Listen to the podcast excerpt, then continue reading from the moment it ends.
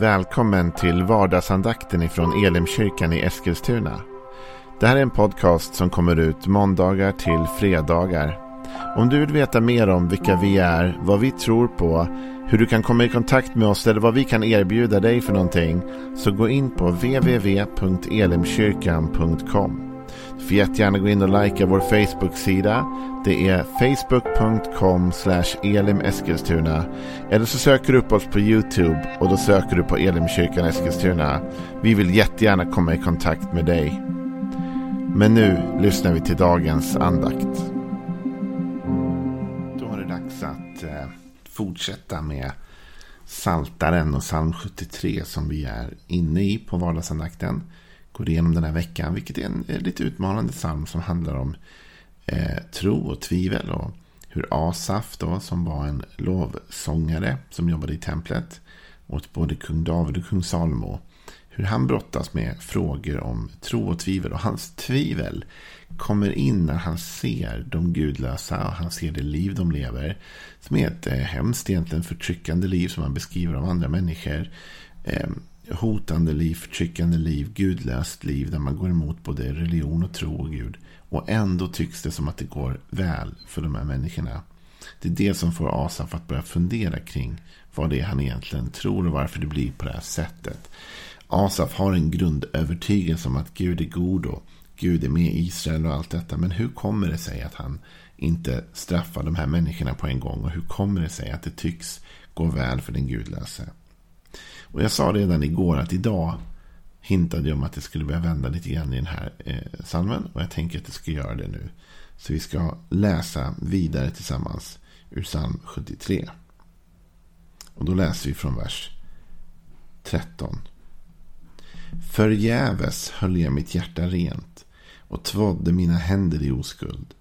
Jag var plågad hela dagen och tuktad varje morgon. Men hade jag sagt så tänker jag tala då hade jag svikit dina barns släkte. Så här talar Asaf om hur han känner. Och nu kanske du tänkte att det här var väl inget positivt alls Joel? Jo, det kommer till varför det egentligen är positivt. Han säger att förgäves höll jag mitt hjärta rent och tvådde mina händer i oskuld. Vad menar han med det? Han menar att varför kämpar jag så hårt med att leva moraliskt rätt och riktigt? Varför kämpar jag för att försöka hålla mig till de här dygderna om det sen går lika bra för den som inte gör det? Alltså han menar att han lägger ner en ansträngning på ett helgat liv. Men om det inte spelar någon roll för om det går den gudlöse lika bra som det går den rättfärdige. Varför håller jag på med detta för? Det är de känslorna, de tankarna som Asaf brottas med. Och det är ju svåra tankar och svåra känslor att brottas med. Vad ska vi ta för moderna exempel idag? Vi kan säga Tänk den som ger tionde varje månad och offrar 10% av sin inkomst kanske som jag gör. Liksom man ger 10% av sin inkomst varje månad för man tror att det är en biblisk princip. Men sen ser man att de människor som inte gör det, de tycks ha det lika bra, om inte bättre ekonomiskt stundtals än vad jag har. Oj, då kan man bli frestad att tänka, varför håller jag på med det här? Är det förgäves som Asaf uttrycker i den här salmen att han upplever det? Och den här tanken blir svår för honom. Den blir så svår att han upplever att han blir plågad av den. Han kommer in i sådana tvivel och sån, sån oro här. Att han känner sig plågad. Faktiskt, han säger att han känner sig plågad både morgon och kväll. Så det är hela tiden. Va? Han lever med detta. Det förtär honom på något sätt den här känslan av att det här är inte rättvist. Hur kan det här komma sig?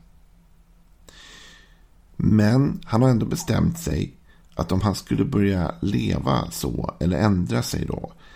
Men hade jag sagt så tänker jag tala då hade jag svikit dina barns släkten. Så han visste ändå någonstans. Fanns någonting hos Afas som ändå höll kvar honom. För han visste att om jag skulle börja bete mig sådär eller börja ändra min livsstil eller börja sätta allt för starka ord på det jag kände här. Då skulle jag ha svikit dig Gud. Jag skulle ha svikit kommande generationer. Jag skulle ha svikit andra människor. Han var ju ett föredöme. Han sjöng ju och spelade ju i templet. Och på det sättet så var det folk som såg upp till honom och visste vem han var. Och den vissheten höll honom på något sätt på banan. Men då kan man ju undra, okej, okay, men Joel, du sa att det här skulle bli en positivare spin nu på den här versen. Men nu kanske vi inte tycker att det känns så positivt. Jo, Men nu kommer jag till det positiva. Att det är inte så på ett sätt att Asaf har missförstått allting.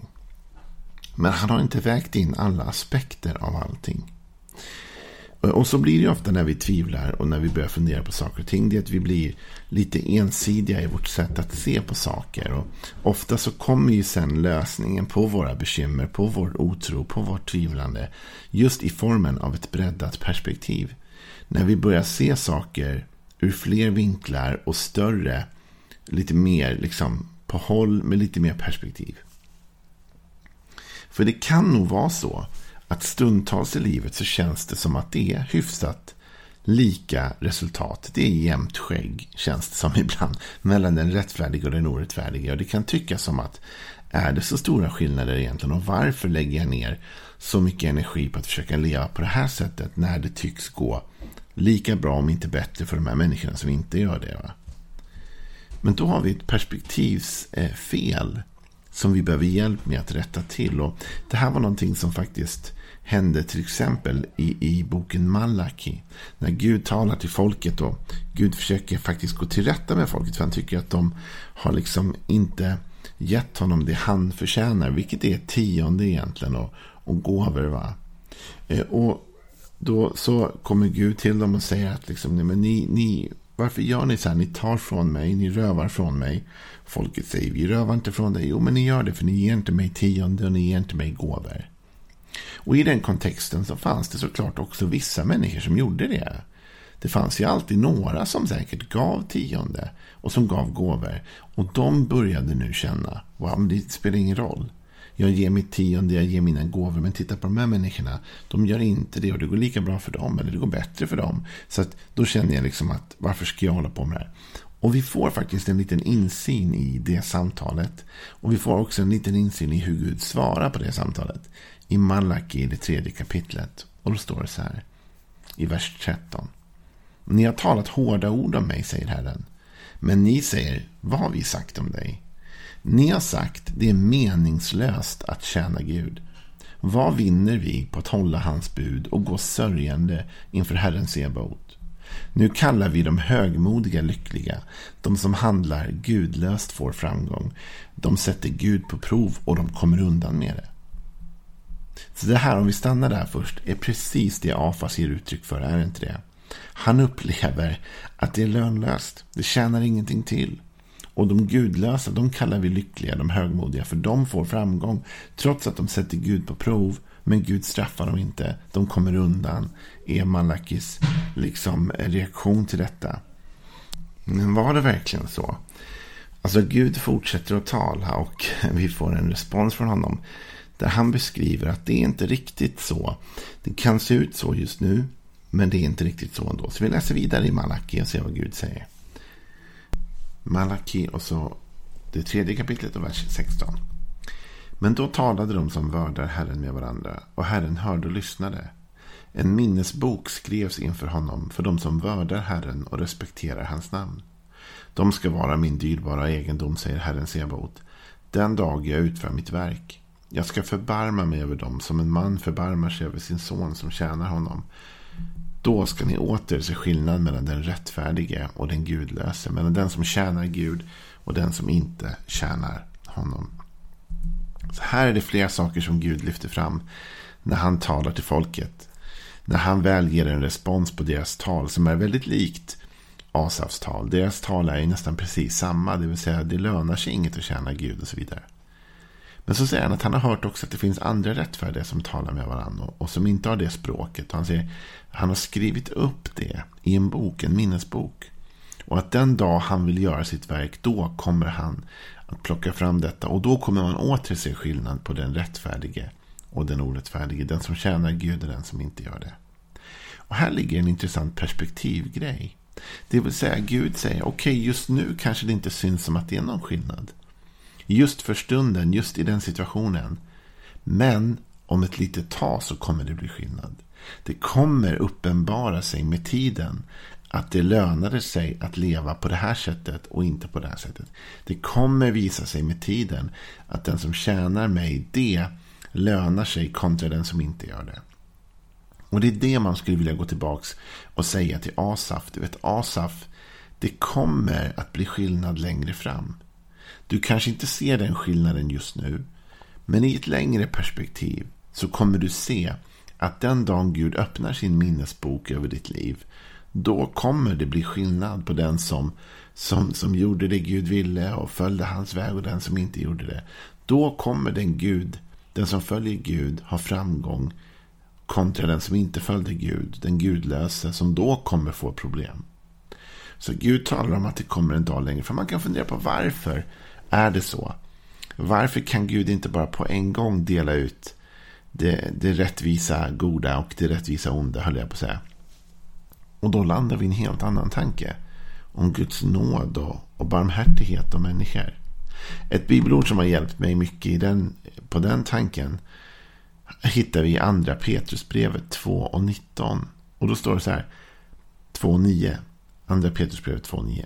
Herren förstår alltså att frälsa de gudfruktiga ur frestelsen och hålla de orättfärdiga i förvar under straff fram till domens dag. I förvar fram till domens dag. Alltså det finns en anledning med att Gud väntar med att utdela domen. Och det är att han vill att alla människor ska få chans att vända om.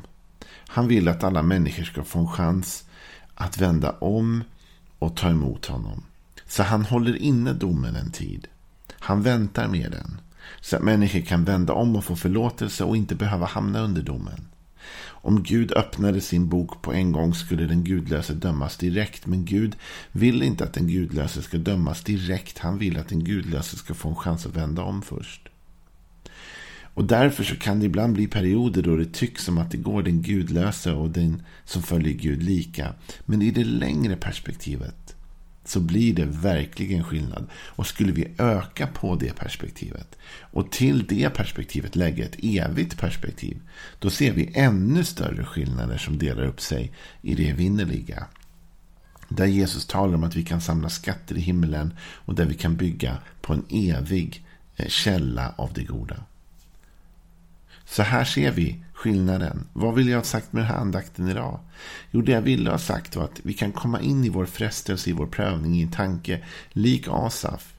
Lik dem i Malaki. Som handlar om att det tycks ju som att det går den gudlöse lika bra som mig. Om inte bättre. Varför ska jag då hålla på med det här jag håller på med? Men det vi saknar då är perspektiv.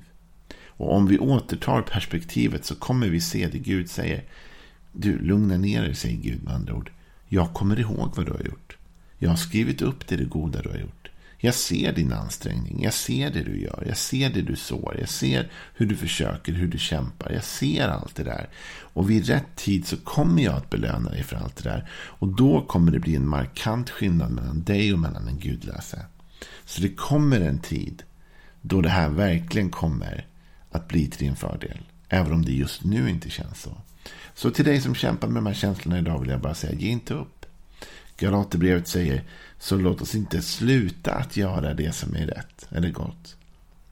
Utan vi ska så. Om vi bara håller ut kommer vi att få skörda, eller hur? När tiden är inne. Så du och jag, vi ska inte ge upp det goda vi håller på med. Även om vi blir trötta, även om vi inte ser skillnaderna.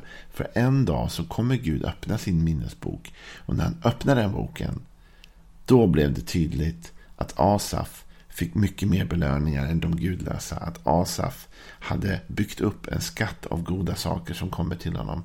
Och du och jag, vi kommer också ha det när tiden är inne. Om vi bara håller ut och orkar kämpa. Och inte ger upp. Det finns skillnad på den gudlöse och den som följer Gud. På den som tjänar honom och den som inte gör det.